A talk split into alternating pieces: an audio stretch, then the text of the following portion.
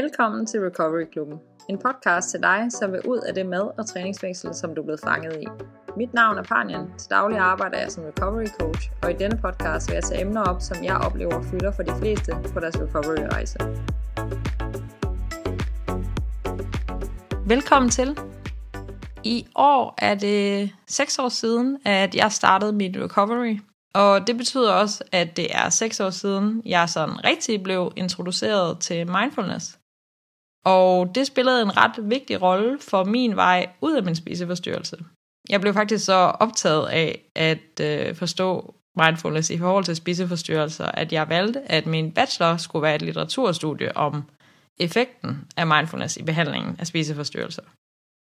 Det år, det dedikerede jeg simpelthen til at praktisere mindfulness sådan mere formelt, og jeg begyndte også at meditere regelmæssigt. Jeg tog blandt andet et mindfulness-baseret stressreduktionskursus, hvor at jeg havde en helt fantastisk underviser, som virkelig formåede at præsentere de her principper i mindfulness på en måde, som var meget lettere fordøjelig for mig, fordi hun koblede det til lidt mere hverdagssituationer, og hun kunne koble lidt mere sådan videnskabelig teori på det. Og typisk den personlighedstype, som jeg nu engang er, som går all in, når hun gør noget, så øh, besluttede jeg mig efter det kursus at tage på sådan et 9-dages stillhedsretreat med fokus på meget intensiv mindfulness, mange timers meditation dagligt og ingen støj fra omverdenen. Og det må jeg bare sige, det, det kan jeg ikke rigtig anbefale, at man starter ud med, for det var bare komplet tortur for mig. De ni dage, der sad jeg med mine egne tanker og følelser sådan rigtig for første gang i lang tid. Og jeg kunne ikke flygte nogen steder hen, og jeg kunne ikke gemme mig bag min spiseforstyrrelse. Og jeg sad time efter time i frustration over, at mine tanker blev ved med at dukke op omkring de samme fire emner. Og jeg indså, at jeg faktisk aldrig havde været så bevidst om, hvad der egentlig foregik inde i mig, fordi jeg altid var flygtet væk fra det. På magisk vis, så øh, holdt jeg ud i de her ni dage, eller jeg kom i hvert fald igennem de her ni dage. Og jeg var absolut ikke en sendmunk efterfølgende. Men jeg lærte nogle rigtig vigtige lektier, og det hjalp mig igennem min recovery. Og jeg bruger også nogle af de ting stadig i dag. Det her, det kommer ikke til at handle om, at jeg synes, man skal meditere dagligt, eller tage på et uh, mindfulness retreat. Men der er nogle ting, som jeg tror er rigtig vigtige, som du også kan bruge i din recovery. For at det ikke skal være løgn, så tog min mand og jeg alligevel afsted igen på det samme retreat, som jeg tog på for seks år siden. Den her gang gjorde vi det så kun i fire dage. Det var lidt mere udholdeligt. Men det var en meget bedre oplevelse for mig, og var ret vigtigt for mig at komme afsted. Både fordi, at jeg gerne ville dele det med min mand. Øh, det betød meget for mig. Han har set, hvor meget det gjorde for mig, dengang jeg startede den her sådan lidt mere indre rejse. Og fordi min tilgang sådan helt generelt til retreatet, og mine forventninger til retreatet og mig selv, var meget anderledes end første gang, jeg tog afsted. Og det var egentlig rart at kunne mærke, at min måde at observere mine tanker og følelser på har forandret sig. Også at mine tanker også har forandret sig. Men jeg opdagede selvfølgelig også, og vidste godt til dels, at jeg stadig kan blive fanget af nogle særlige bekymringstanker og nogle meget melankolske tanker nogle gange i dag. Det er også noget, jeg har sagt mange gange før. Det at blive rask fra din spiseforstyrrelse eller slippe helt fri fra mad og kropskontrol, det betyder ikke, at livet på den anden side er helt bekymringsfrit. Jeg har stadig i dag mine kampe, men de omhandler bare ikke længere mad og krop. Men jeg kæmper stadig med et sind, som kan blive meget, meget trist og meget, meget mørkt. Og jeg skal arbejde meget med ikke at lade det og mine fysiske smerter, øh, i nakke og hoved slår mig helt ud på daglig basis. Jeg deler ikke så meget om de her kamp, jeg har i dag. Måske både fordi jeg har tænkt, det interesserer jeg ikke, fordi det handler ikke om spiseforstyrrelser, men måske også mest af alt, fordi det er altid sværere at snakke om de her ting, når man står midt i dem. Det er helt klart nemmere for mig at snakke om min fortid og hvad jeg er kommet igennem, men det er ikke min intention på nogen måde at skabe den her illusion om, at jeg lever et liv helt fri fra kampe og bekymringer. De ser bare anderledes ud. Og jeg bliver bedre til at håndtere dem og være med dem. Men tilbage på sporet øh, dagens emne, som alligevel læner sig lidt op af alt det her, så kan svære tanker og følelser stå meget i vejen for, at du kan komme videre i din recovery. Særligt den her frygt for, hvad der kan ske i fremtiden, kan bremse mange. Det samme kan den her udfordring i at kunne være med og tolerere svære tanker og følelser, i stedet for at flygte ind i en spiseforstyrrelse eller flygte ind i noget forstyrret. Og her tror jeg virkelig på, at mindfulness kan spille en vigtig rolle, som kan hjælpe dig med at håndtere det her svære på en anden måde end de gamle mønstre, du har haft. Selvom du ikke mediterer, som jo er sådan en meget formel måde at praktisere mindfulness på, så kan principper fra mindfulness bruges meget mere uformelt i din hverdag, når svære tanker og følelser dukker op, og forhindrer dig i at handle på den måde, som du egentlig ønsker at handle, og som er i tråd med dit ønske om recovery. Så selvom det måske strider en lille smule i dig lige nu, så håber jeg, at du vil give den her episode et lyt. Jeg skal nok komme ind på noget helt konkret, som du kan bruge, selvom du aldrig har mediteret.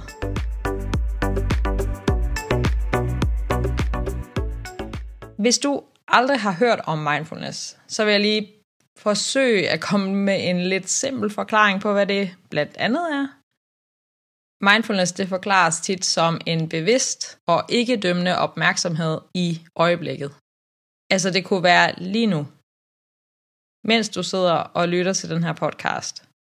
At du lytter aktivt og bevidst til det, jeg siger, uden at du tillægger en masse betydning og historier til det, du hører mig sige.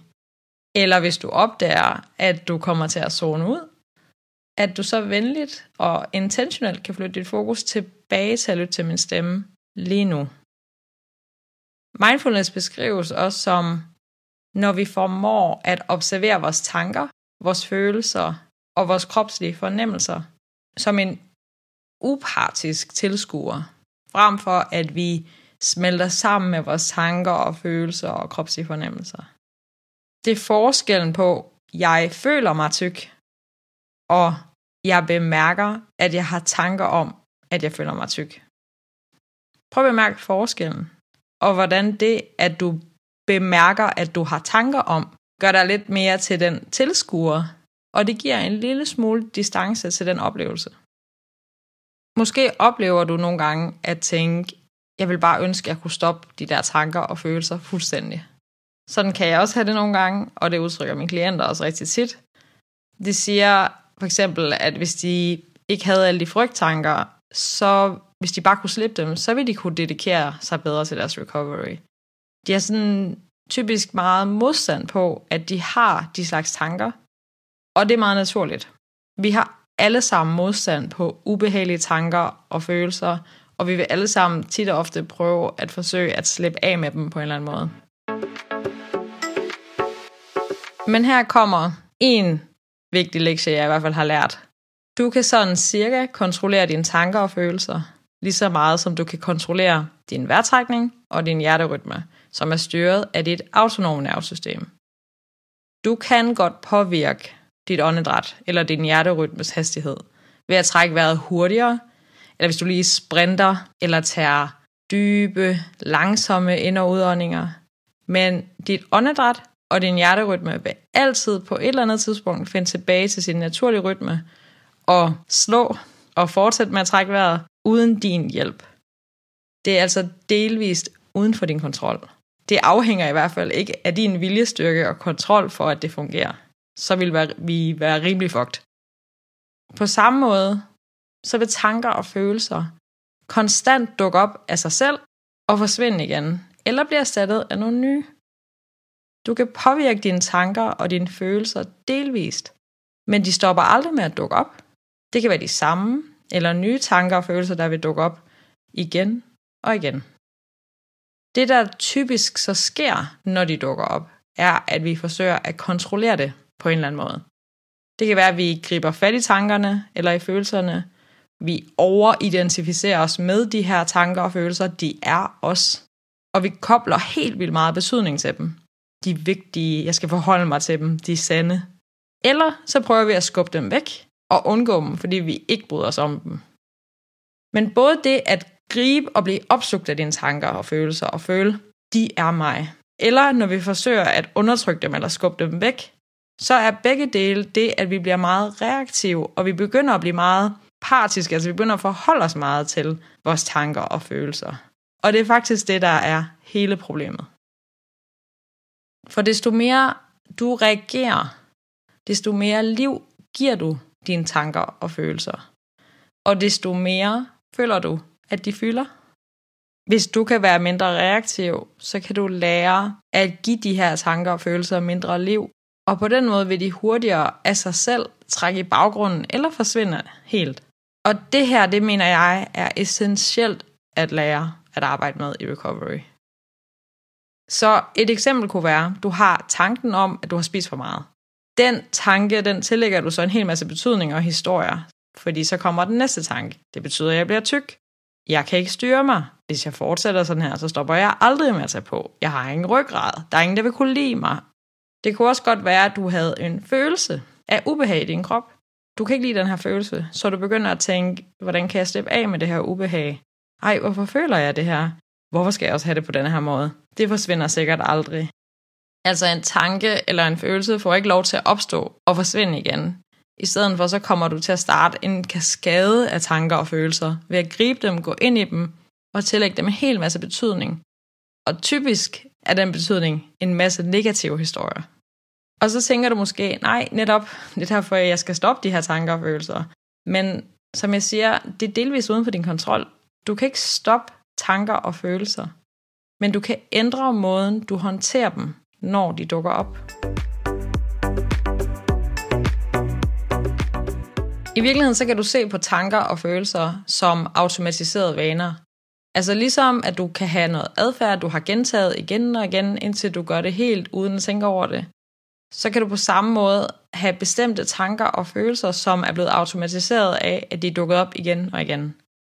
Det mindfulness kan hjælpe dig med at gøre, er at det automatisere og det identificere dig med de tanker og følelser. Altså fjerne automatikken, fjerne alle de historier og den identifikation, du får med de tanker og følelser.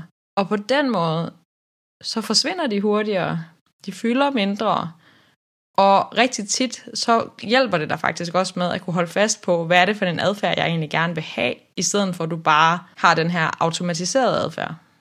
Og det det også gør, i stedet for at du er dine tanker og følelser, så kan du se, at du har tanker og følelser. Og det gør en større forskel, end man lige umiddelbart vil tro. For lige pludselig, så er det noget, du ligesom kan holde ud i strækt arm og se på. Har du nogensinde haft en eller anden helt skør tanke, som du nærmest kunne sådan ryste ud af dit hoved, og bare tænke sådan, shit, hvad var det for en tanke, jeg lige havde der? Når vi har tanker, som vi ikke føler er særlig vigtige, eller virker fjollet, så er det mega nemt for os at slippe dem. Hvis vi skulle holde fast i de 60.000 plus tanker, vi har om dagen, så ville vi være komplet udmattet, og vi ville ikke gøre andet end at konstant være inde i vores hoved. Så lige nu kan du allerede godt finde ud af at give slip på nogle tanker. Grunden til, at det er så svært med de her tanker, de her frygttanker, det er fordi, de føles meget vigtige. Og du har givet dem din opmærksomhed igen og igen, så længe, at din hjerne tror, at de er meget vigtige. Og derfor bliver ved med at smide de tanker efter dig. Og det sker også især fordi, at negative tanker, som jeg også har sagt før, de bliver prioriteret højere i vores hjerne, som vigtigere at huske og gentage. Fordi det kunne jo handle om liv eller død. Problemet er bare, at vores hjerne er ikke særlig god til at finde ud af, hvad der reelt er liv eller død. Så hvis man er helt ny i alt det her, og først skal til at begynde at forholde sig til, at man ikke er sine tanker og følelser, men at man har dem, så skal man starte stille og roligt ud med at begynde at øve sig på det at kunne observere sit sind. Du kan træne mindfulness på mange forskellige måder, som for eksempel de her lidt formelle måder, som er meditation, eller kropsscanningsøvelser, eller yoga osv. Men det kan også være sådan lidt mere uformelt, når du for eksempel er i bad. At du faktisk øver dig på at være bevidst om, hvad der sker lige nu i badet. Vandet, der rammer din krop og dit hoved. Temperaturen på vandet. Hvordan føles det at stå der, i stedet for at blive tabt i sine tanker, eller helt forgabt i sine tanker. Det kan også være, når du vasker op, eller når du strækker ud, eller når du træner, eller når du læser en bog. At begynde at træne at flytte dit fokus tilbage til det, du har gang i lige nu. Det er i hvert fald vigtigt, at du begynder at træne den her bevidste, ikke dømmende nærvær. Altså kom tilbage til lige nu og her, uden en masse historier, uden at hoppe over i fortid eller fremtid. Og det er lidt ligesom en muskel, du skal træne. Du er nødt til at oparbejde den her koncentration og evne til at faktisk kunne observere dine tanker og følelser og kropslige fornemmelser, uden at forene dig med dem, uden at dømme dem, og uden at forsøge at forudse din fremtid eller ærge dig over din fortid, men bare observere dem på afstand. Da jeg kiggede på, hvordan effekten af mindfulness var i forhold til behandling af spiseforstyrrelser, så dukkede yoga rigtig meget op. Og jeg mener også personligt, at yoga kan være et rigtig godt sted for mange, der har rigtig meget uro og meget lidt erfaring med alt det her at starte. Fordi det er sådan en formel form for mindfulness, hvor du træner det at være bevidst, nærværende, ikke dømmende i det, du gør. Men du har stadig din krop med og noget bevægelse med, og det kan være lidt nemmere at være i. Yoga bidrager også til, at du kan koble lidt mere hoved og krop sammen og komme tilbage ned i din krop, som rigtig mange mennesker flygter fra hele tiden, og som mange kan føle, kan føle er rigtig farligt sted at være. Så alt efter hvad din historie er, og hvordan du har det i forhold til det at være i kroppen, så skal du selvfølgelig være opmærksom på at finde en underviser, som har en meget nænsom tilgang, og som forstår sig på traumer, og som virkelig kan ære den sårbarhed, der også skal være forbundet til yoga. Så mærk selvfølgelig efter, om det er det rigtige for dig. Men det kan være et sted at starte. Men du skal også have nogle konkrete øvelser herfra, som jeg selv har brugt meget. Den første øvelse her introducerede Tabitha Farrar mig for. Hun er også recovery coach og selv haft en spiseforstyrrelse. Og dengang jeg startede min recovery-rejse, der fulgte jeg med på hendes blog, hvor hun skrev en masse om det her. Men hun har så senere skrevet en helt fantastisk bog om recovery, og jeg skal nok også linke til den bog. Den er fyldt med en masse værktøjer, og den er ikke kun relevant for personer med anoreksi eller restriktive spiseforstyrrelser. Øh, der er også en masse ting, som man kan bruge, uanset hvilken spiseforstyrrelse man har. Men øvelsen handler grundlæggende om, at du skal blive bevidst om at give mindre opmærksomhed til de spiseforstyrrede genererede tanker, for desto mindre energi du giver de tanker, desto mindre vil de fylde med tid. Så du skal forestille dig dit sind som en mailindbakke, hvor tanker tækker ind hele tiden som mails løbende. Vi har alle sammen, heldigvis, et spamfilter i vores mail, fordi ellers så ville vi blive bombarderet med mega mange ligegyldige e-mails, som for eksempel har en masse virus eller lignende.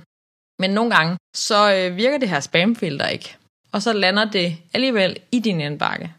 Hvis du åbner den e-mail, så risikerer du faktisk, at din computer kan få en virus. Og hvis du bare sletter den e-mail, så vil du få den igen, eller noget, der ligner den slags mail. Så du er nødt til at få markeret den som spam, så din computer og din mail ved, at du ikke kan bruge den slags e-mails til noget, og at det er spam. Og så ved den, at den skal beskytte dig mod den slags mails, ved at den automatisk prøver at placere dem i spamfilteret igen. Du skal opdage, de her automatiserede tanker, der er koblet til din spiseforstyrrelse eller forstyrrede mønstre, og få markeret dem mentalt som spam, i stedet for at forsøge at ignorere dem hele tiden, eller at gå ind i dem og åbne op for dem. Det kunne være, at du opdager tanker som, åh oh nej, nu har du spist for meget, eller ej, burde jeg spise det her? Og så opdage, hov, det var en spiseforstyrrelsestanke, eller hov, det var da vist spam, eller hvad du nu end vil kalde det. Marker det mentalt som spam, som en tanke, som en mail, du ikke kan bruge til noget, og kom tilbage til det, du har gang i. Du vil ikke kunne undgå at få spam i løbet af dit liv. Det er som om, der altid findes nye smarte måder for mennesker til at klikke på de her mails. Og på samme måde, så vil du også få tanker resten af dit liv. Men desto bedre du bliver til at opdage, hov, det her det er spam. Hov, det her det er ikke noget, jeg kan bruge til noget. Og du kan markere dem mentalt og putte dem i dit spamfilter. Desto mere du øver dig på det, så vil du opdage, at de her slags tanker popper mindre og mindre op. Og når de så popper op, så vil de have en meget mindre effekt på dig. I år, så er det som sagt 6 år siden, jeg startede min recovery. Og i dag, der betragter jeg faktisk mig selv som helt rask fra min spiseforstyrrelse. Men det betyder ikke, at jeg ikke har svære tanker og følelser. Og det betyder heller ikke, at jeg aldrig har en spiseforstyrrelsestanke i dag. For det har jeg. Hvis jeg særligt er presset eller meget udmattet, eller hvis jeg har følelsen af at være utilstrækkelig eller sådan noget, så kan der godt lige pludselig dukke en tanke op, som for eksempel, ej, du spiser alt for meget til det her måltid. Eller, shit, jeg føler mig tung og træls i min krop. Før vil den tanke, jeg spiser for meget, føre til den næste tanke, jeg skal spise mindre til næste måltid, som fører til den næste tanke. Nu bliver jeg tyk, som fører til, videre til den næste tanke. Og måske videre til, at jeg handlede på de her tanker, og sprang over et måltid eller spiste mindre. I dag, så kan den første tanke dukke op, og så kan jeg opdage den og sige, hov, det var da vist lige en spiseforstyrrelsestanke. Marker den mentalt som spam, og så kom tilbage til det, jeg har gang i lige nu. Og i dag kan jeg også bruge det som et tegn på, at jeg lige har brug for at tjekke ind med mig selv. Hvis jeg mærker, at den her slags tanker, de presser ekstra meget på, så ved jeg, at mit nervesystem nok er en lille smule i alarmberedskab. Og når det er det, så er sådan nogle gamle, automatiserede tanker hurtigere til at dukke op. Og så ved jeg, hov, det er et tegn på, at jeg har brug for en pause. Jeg har brug for en mental pause, jeg har brug for ro, jeg har brug for på en eller anden måde at regulere mit nervesystem og komme tilbage til mig selv. Så den her slags tanker dukkede op dengang, og den slags tanker kan dukke op i dag. Men i dag, der tillægger jeg dem ikke betydning og værdi. Jeg ved, at desto mindre fokus og energi jeg giver dem, desto mere jeg rummer, at de dukker op, og tillader, at de dukker op, ikke har modstand på det, så ved jeg, at de af sig selv forsvinder igen, hvis jeg ikke giver dem energi. Tanker, følelser opstår og forsvinder igen helt af sig selv, og desto mindre modstand du har på dem, desto hurtigere er den proces.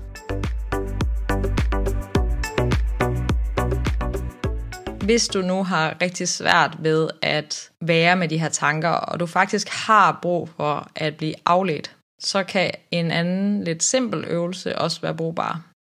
Det er den her sanseøvelse, som er lidt mindre fokuseret på dig og din egen krop og dine tanker, men faktisk hjælper dig med at flytte fokus over på at være nærværende i nuet. Så øvelsen er egentlig ret simpel. Du starter med lige at stoppe op. Når du opdager en tanke, du opdager en følelse, du opdager et eller andet ubehag, så trækker du lige vejret dybt, helt ned i maven. Og så prøver du at kigge omkring dig, og så kigge efter fem ting omkring dig.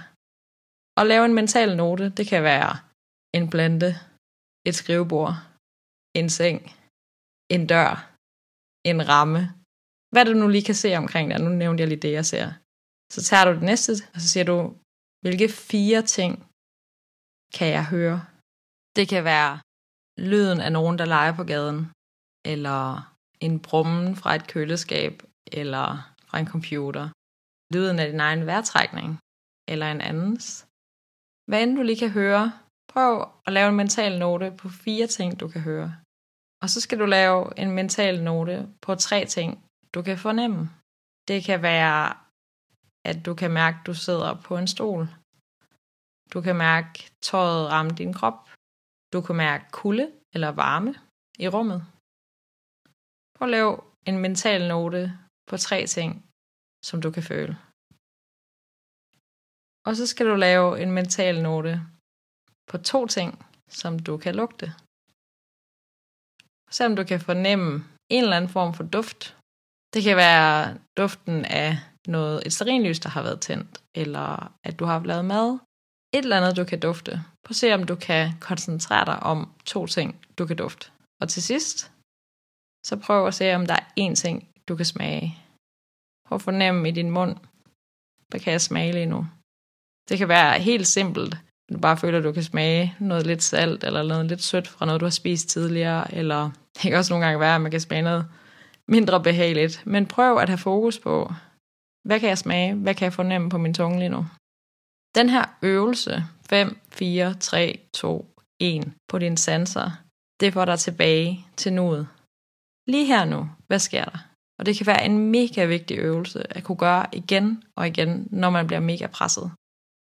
Den her øvelse, den anbefaler jeg også til mine klienter, hvis de kan mærke, at de virkelig går i redskab op til et måltid, Stop op og træk vejret, og prøv at komme i kontakt med dine sanser. Jeg kunne snakke utrolig meget om det her, men jeg ved ikke, hvor interesseret I er at høre om det, så nu fik I en lille smule introduktion til det. Fortæl mig endelig, om I gerne vil høre mere om det, og I gerne vil have nogle flere værktøjer, eller hvad I tænker. Det var alt for den her gang i Recovery Klubben. Husk, at du kan give podcasten en anmeldelse ved at trykke på de her stjerner i bunden, hvis du har lyst til at støtte podcasten og få den ud til flere. Pas på dig selv, til vi lyttes ved.